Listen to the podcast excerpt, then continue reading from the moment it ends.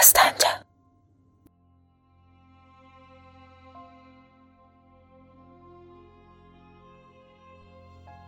Atam, hə, bir iki dönə də ona baş vurmuşam. Ürəyi yanıq, vüqarlı bir oğlandı. Ona yaxınlaşmağın pis deyil. Ədəbiyyat bilir. Biraz da Fransızca başarır. Həm də nəzmli bir adamdı, dedi. İkindilər ona qəzetə aparanda suyun üzündə olan balıq kimi ağzını açır, dedim. Sabahsı gün İttilaat qəzeti Ölülər evinin xatiratı kitabı ilə yanına getdim. Onları bacadan salmaq yerinə pillələrdən aşağı endim. Qapını açdıqda rəngi qaçıb gözlərini mənə zillədi. Sizin ürəyiz dedim. Xanım, sizi burada görsələr nə olar? dedi. Heç nə olmaz dedim. Siz Allah burdan gedin. Yaxşı deyil, dedi. Yaxşı deyil? Nədən yaxşı deyil? deyib düz masanın önünə getdim. Səkməninin üzərində oturdum. İş alətlərinə əl vurdum. Mişarı yersiz yoxladım. Kəlbətinin qırmızı qolları vardı, serçə ağzı kimi açılıb bağlanırdı. Cəbədən narın mıxları götürüb masanın üstünə iki mıx çaldım. Bir əl piçi götürdüm. Bunlar nə dərdə dəyər? deyə soruşdum. Qabları bunlarla qoşaqlaram, dedi.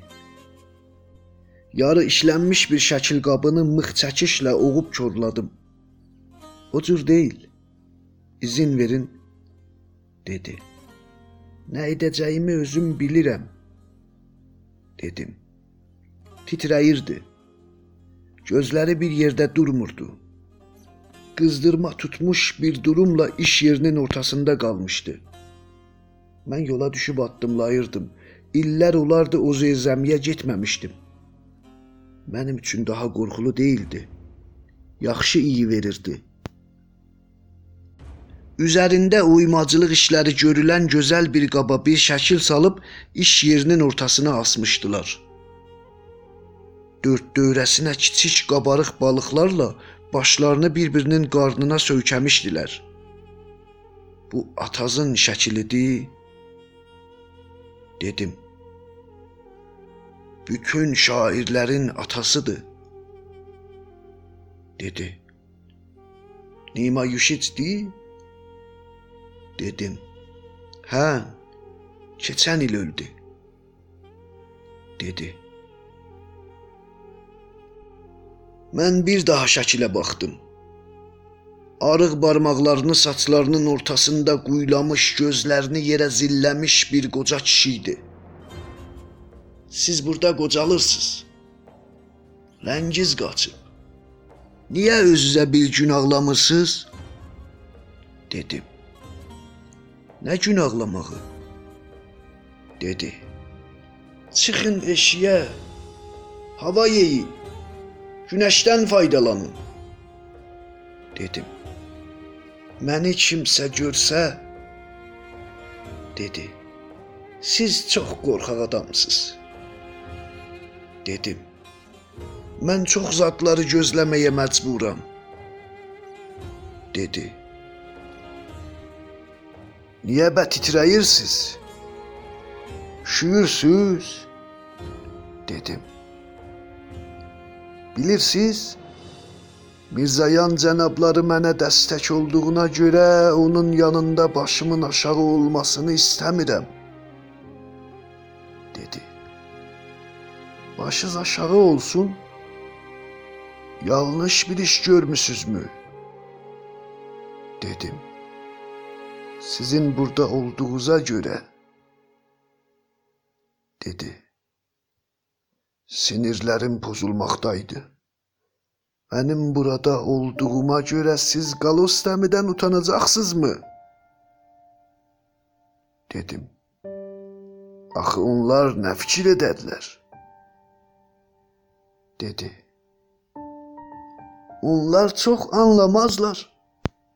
Əgər əgər rahatsız olursuz, mən bir daha bura gəlmərəm. dedim.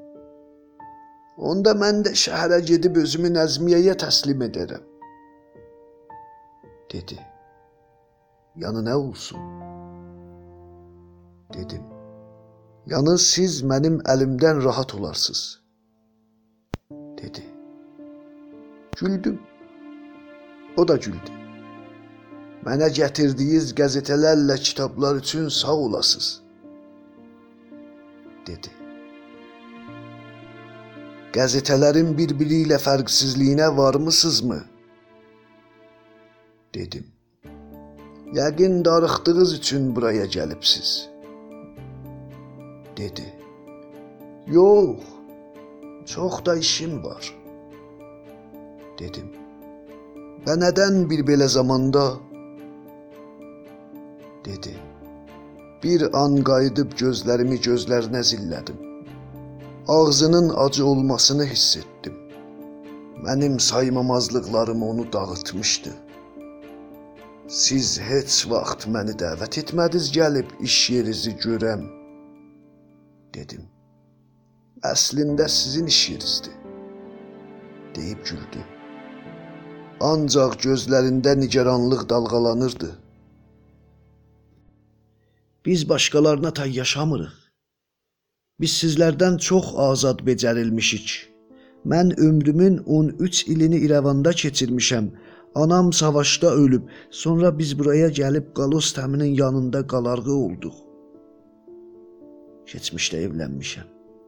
3 ay sonra ərimi əldən vermişəm. İndi illərdir ev işlərinə yetişirəm dedim. Bu qədər sıxıntı çəkməklər sizə yaraşmır, dedi. Sizə də yaraşmır bu qədər sıxıntı çəkmiş olasınız, dedim. Nə eləmək olar? dedi. Hər iş görmək olar. Mən bura gəlmişəm amma siz heç önəm vermirsiniz. dedim. Xanım, Bu gün mənə çox böyük gündür, dedi. Üzünün qızarıb pörtməsini duydum. Bir kimsə Aydın deyə səslədi. Qayıtdı. Orhan idi. Acil satan kərvansarasının önündə durub ona gülürdü. Hara getdin? dedi.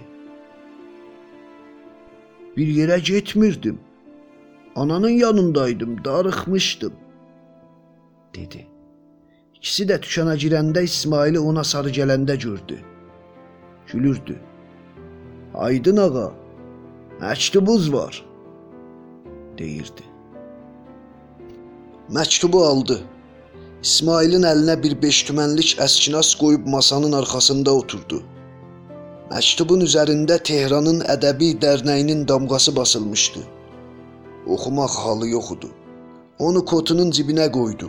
Zəmburi çıraqları işıq saçan dükana baxdı. Orhan acil təlislərinin başını doldururdu. Paçatları böyük-kiçik sırası ilə xırda cinslər çəkən tərəzinin qırağına qoyub ağzında bir zadı köyşəyirdi. "Nədir?" dedi. "Heç." Orhan gözünün qırağı ilə baxıb Niyə? Elə də xəbərsiz adama bənzəmirsən, dedi. Aydın sustu. Onunla baş-başa qoymaq istəmirdi. Halın yaxşı deyil. Heç zadım deyil. Yuxun az deyil ki. Təlisləri yerbəyer etdi. Tərəzinin gözlərini bir-birinə kipləyib tərəzinin qırağında qoydu. Sonra zəmburi çırağını götürüb nasus vurdu. Kitabı da qırağa qoyubsan, deyib yenə də nasusladı. İşin sonunda səni boşlayıb getdi, dedi. Aydın, mənim işimə qarışma, dedi. Orhan, hara getdi? dedi. Mən hara getdim? Ayda nədən özünü otladı? Orhan çox boşboğazlıq edirdi. Aydın üzünü əllərinin içində gizlədib daha cavab vermədi. Nə qədər çalışırdı, ürəyi Orhana qızışmırdı. Ondan nifrəti yox idi. Ancaq incimişdi. Dönə-dönə ona qardaşlığı dünya malına görə ayağının altına qoyma demişdi. Orhan Mən işiyim belə qardaşlığa deyə cavab vermişdi. Cavabını verib bu alışan çiynəni alovlandırmaq olardımı? Bir dönəmənə susaram. Susmağın ardını da o dizə çökənə qədər tutaram, dedi. Aydanın ölümündən sonra ikindilər yanına gedərdim. Şəhərdə dolanıb evə gələrdik. Qalos dəmi üst qatı bizim ixtiyarımıza buraxmışdı. Hər gün ikindi saat 4-də Ermənistan məhəlləsinə gedirdi. Kilisanın önündə girələnirdi. Qapının çaxçaxasını çalırdı. Ancaq ona qapı açan bir kimsə yox idi. Bu yolu aylardır gedib gəlirdi. Faydasız idi. Mən hardaydım o evlərinə tək qayıtmaq zorunda qalırdı. Zirzəmiyə cumub gahdan da olursa bir kitab oxusun, qalan vaxtını taxt üzərində uzanıb kirpik vursunmu? Yazın əvvəllərində uzun bir qışdan sonra yazın ilk günəşi şəhərə yayılan gündən Aydın dükana gəldi. Dükanın qapısı bağlı idi. Orhanı yük daşıyanlarda soraqlaşdı. Kimsə bilmirdi. Dalanda neçə dönə addımladı, sonra evə qayıtdı. Ana da bir zad bilmirdi. Yalnız Orhanın günəş çıxmamış evdən çıxmasını bilirdi. Aydın Nədən xəbərsiz? dedi. Ana Sənin açarın yoxdumu? deyə soruşdu. Aydın "Yox" deyib bir daha dükana qayıtdı. Qıfıl düzəldən gətirib qıfılları açmaq qərarına gəldi. Nahara yaxın qıfıl düzəldən qıfılları kəsirdi. Yük daşıyanlar oraya toplanmışdılar. Orhan yoldan yetişdi. "Nə eləyirsiniz?" deyə soruşdu. "Qıfılı kəsirik" deyib qıfılların birini ona göstərdi. İkinci qıfıl ortaya kimi kəsilmişdi. Nədən kəsirsiz? Mənim açarım var. Aydın, qardaş, bir yerə getmək istəyəndə açarı qoy, dedi. Orhan, açarı bir kimsənin əlinə verməyə icazəm yoxdur mənim, dedi. Aydın, Cənabi Ali çox anlamırsan deyə bağırdı. Sonra qulağının dibinə birini endirdi. Orhan hirsdən titrəyirdi. Müftəxor arsız deyə bağırdı. Yaxalaşdılar. Yük daşıyanlar araçılıq etdilər, ancaq gec olmuşdu. Orhan göydə əl-ayaq çalırdı. Yaxası ilə qayışı Aydının əllərində idi. Ayaqları havada tərpəşirdi. Yük daşıyanlar haykü ilə onu aşağı endirdilər. O gün qardaşlar dükanı açmadılar. Ana gecə Ata qəbirdə titrəyir.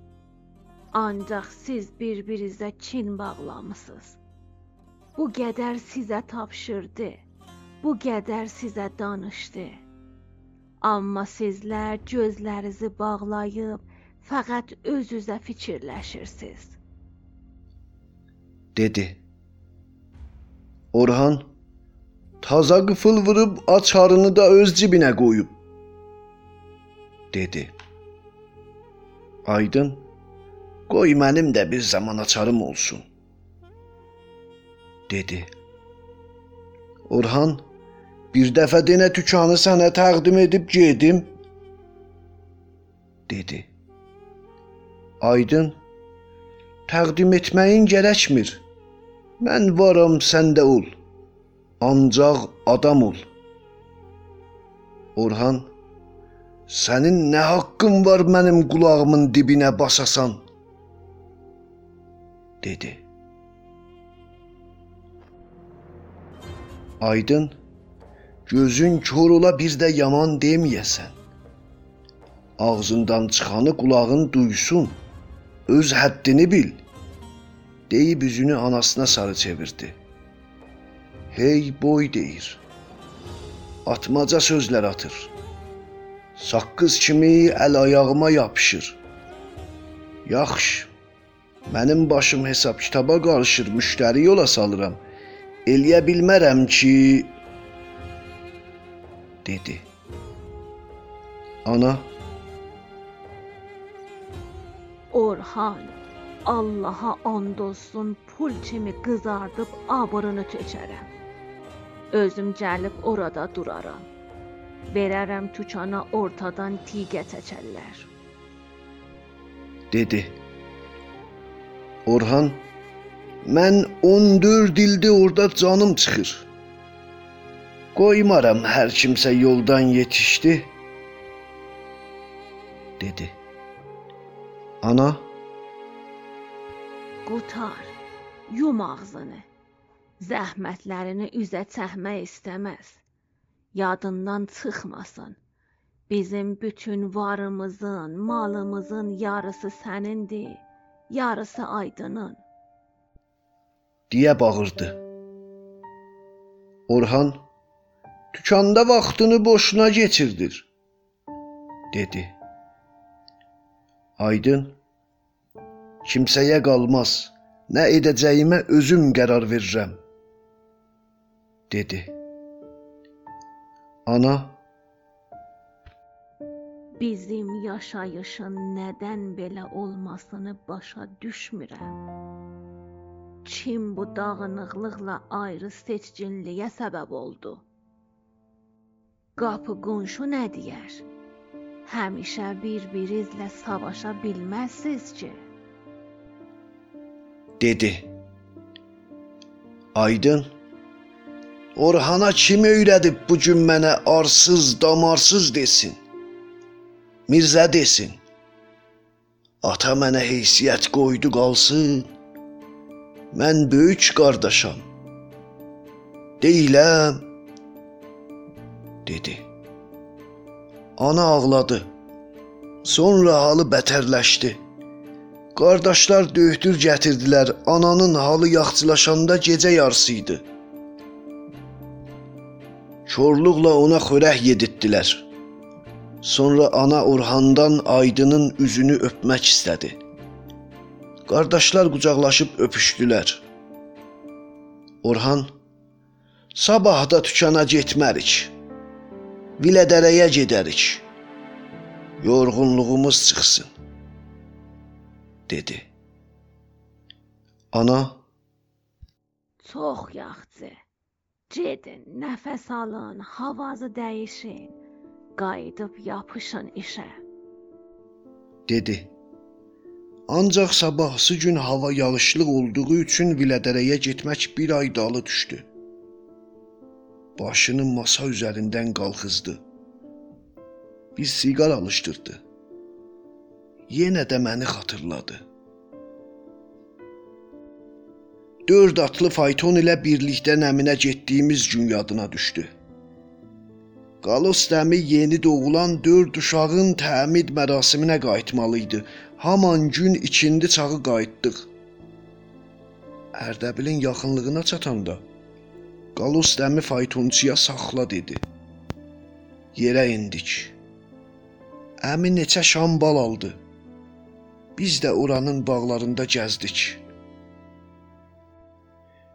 Get-qayıt zamanının hamısında aydın çöl bayıra baxırdı. Ancaq gahdan da gözaltı mənə baxırdı. Gözüm ona sataşanda utanırdı. Yolun toz torpağı bütün tüklərini ağartmışdı. Sonra əmi bal almaq istədikdə biraz addımladıq. Aydın mənə bir dağ lalası verdi. O da evə qayıtmamış soldu. Madam Yücinə "Bu nədir əlinə alıbsan?" deyə soruşdu. "Güldü." dedim. "Kimdən alıbsan?" Dedi. "Bir əziz adamdan." dedim. Səlib çəkib nigaran oldu. Yaxşı bir nişanə deyil. Aman, bu adamdan uzaq gəz. dedi. Vay, yox. Niyə? dedim. Səni soldurar, deyib toxunmasını boşladı. Maman, qorxma. Bu uydurmaları qoy qırağa, dedim. Yenə də toxunmasını toxudu. Sonra atanla Qalos əmi sənin işlərinə qarışmasalar da sizlər necə bir-birinizin əqdinə gələ bilərsiniz? dedi. Birincini ata ilə Əmuqalest seçdilər. Ancaq bu dönə hamı razı idi. Özüm qərar verdim. Ondan sonra ata Aydını məndən çox sevir. dedim. Ata ona özəl bir sayğı duyurdu. Gahdan ona şokoladla qəhvə gətirirdi. Bircə otururdular. Şahmat oynayıb gahdan bir stəkanda atırdılar. Həmişə ata ona Aydın ağa deyirdi. Aydın da misyo sürən deyirdi. Başqa adamlar kimi misyo ya da sürən yox. Ata otağa gələndə Aydın onun hörmətinə ayağa qalxırdı.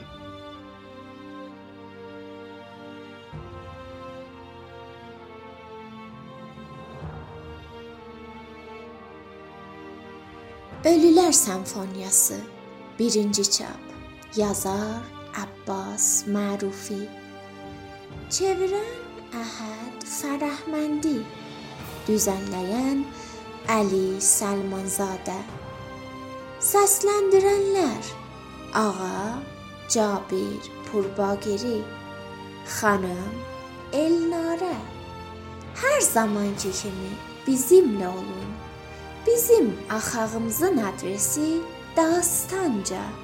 D A S T A N C A